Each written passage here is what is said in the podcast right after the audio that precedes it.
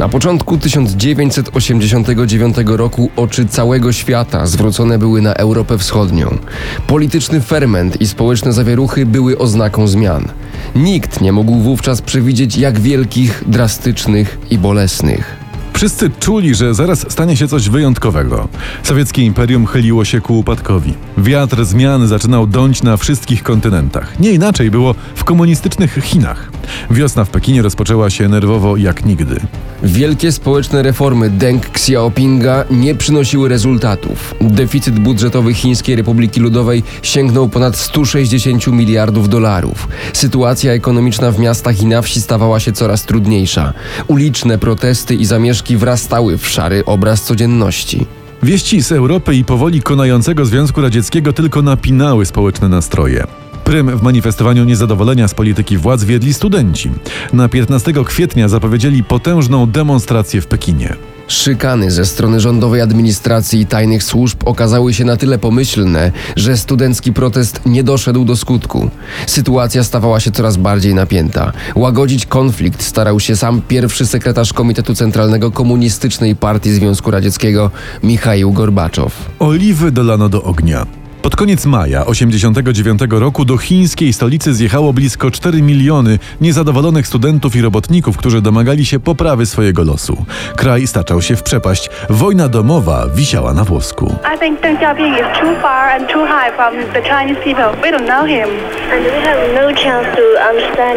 No. How do you think he compares with Mr. Gorbachev?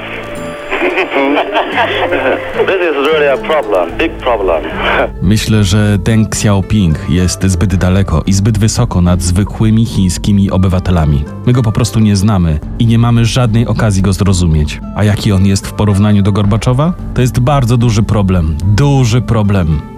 Z końcem maja 1989 roku sytuacja w Pekinie wymykała się komunistycznym władzom spod kontroli. Wprowadzono stan wyjątkowy i godzinę policyjną. Wstrzymano komunikację ze stolicą, by nie dopuścić do miasta większej liczby demonstrantów. Tam są teraz tysiące demonstrantów, którzy popierają studentów i ich żądania demokratyzacji w Chinach. Służby komunalne nie nadążały z oczyszczaniem ulic. Milionom ludzi w każdej chwili groziła epidemia. Policji i wojsku udawało się mimo wszystko tłumić w zarodku wszelkie próby protestów i buntów. Atmosfera była nieznośna. Obie strony czekały na jakiś ruch. Uh,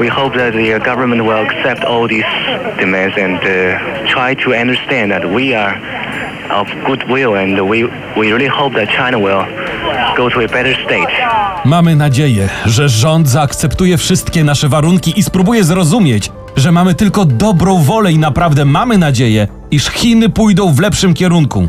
Powoli centrum wydarzeń zaczęło przenosić się na główny plac stolicy, na plac niebiańskiego spokoju, czyli plac Tiananmen.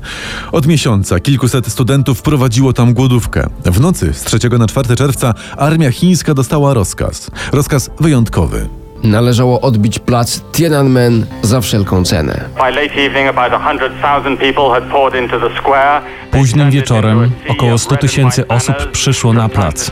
Przemienili się w ocean białych i czerwonych flag. Od czasu do czasu kolumny studentów chodziły w koło, wykrzykując swoje hasła, wołając o wolność i demokrację. Około godziny pierwszej w nocy 4 czerwca 1989 roku armia chińska otoczyła plac niebiańskiego spokoju w centrum Pekinu. Czekano na dalsze rozkazy. Po krótkich negocjacjach prowadzący głodówkę studenci zdecydowali się opuścić swoje pozycje. Nie pomogło to jednak zatrzymać tragedię.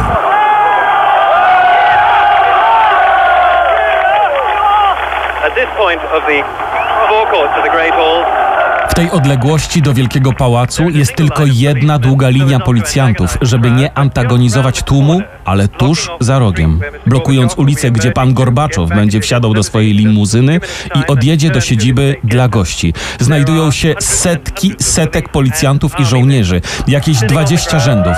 A tu znowu słychać wezwania do dialogu. about 20 deep. There we have cries again of dialogue. Wszystko zaczynało nabierać coraz większego tempa. Nad takim tłumem i takimi wzburzonymi emocjami nikt nie mógł zapanować. Masakra wisiała w powietrzu. Uh. Tu panuje ogromna panika. Setki ludzi biegają obok mnie. Wygląda na to, że oni wszyscy uwierzyli, że nagle któryś z żołnierzy na moście zacznie do nich strzelać. I, i, i faktycznie właśnie słychać jakby e, coś jakby dźwięk, jakby strzelanina. Stało się nieuniknione. Padły pierwsze strzały. Ofiar nie można już było uniknąć. Chińskie władze zdecydowały się na atak.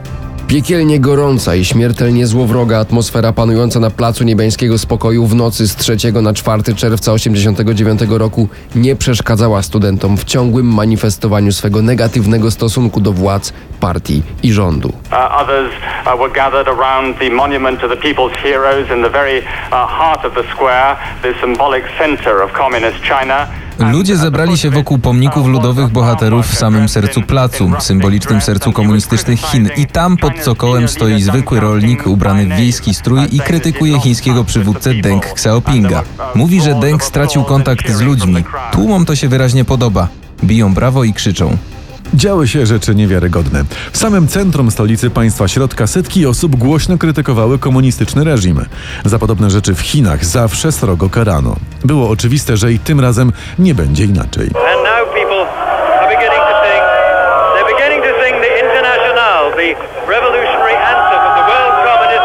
I teraz ludzie zaczęli śpiewać. To jest międzynarodówka, rewolucyjny hymn Światowego Ruchu Komunistycznego.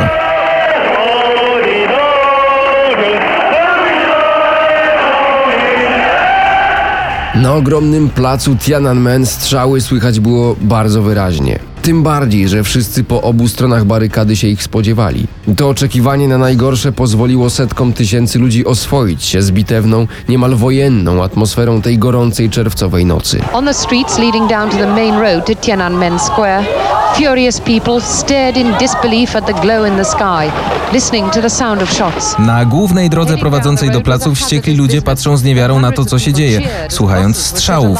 Przechodzenie po tej drodze to bardzo ryzykowna przeprawa, ale setki ludzi czuło radość, gdy kolejne autobusy były podpalane i wojskowe auta też zaczynały płonąć. Wrzeszczeli i skandowali i kiedy podjechały wojskowe ciężarówki, rozległy się strzały. Do świtu było jeszcze daleko. Bezbronny tłum na placu Tiananmen nie miał żadnych szans z doskonale wyposażonym i z gotowym na wszystko chińskim wojskiem. Czołgi i ciężkie karabiny siały postrach i nie znosiły żadnego sprzeciwu. Radio Beijing. Tu Radio Pekin. Please remember June the 3rd, 1989. Proszę pamiętać o 3 czerwca 1989 roku. Miały miejsce najbardziej tragiczne wydarzenia w historii stolicy. Tysiące ludzi, w większości niewinnych, zostały zabitych przez ciężko uzbrojonych żołnierzy, którzy najechali miasto. Pomiędzy zamordowanymi są nasi koledzy z pekińskiego radia. Masakra na placu trwała kilka godzin. Mordowanie odbywało się też na wielu ulicach prowadzących do centrum. Szał ogarnął całe miasto. Kolor czerwony był wszędzie. Ciała zabitych i rannych widać było niemalże w każdym miejscu.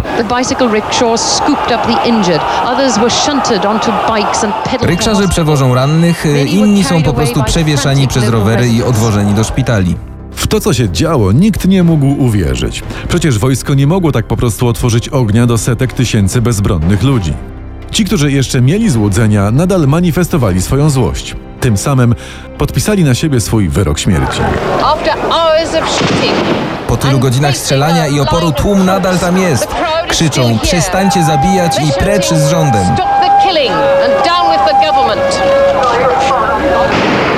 Sytuacja była jednak beznadziejna. Chińska stolica zaczęła tonąć w oceanie krwi. Doniesienia z Placu Niebiańskiego Spokoju były niewiarygodnie zatrważające. Pierwsze raporty mówiły o trzech tysiącach zabitych. Takie dane najwcześniej zaprezentowała amerykańska Centralna Agencja Wywiadowcza.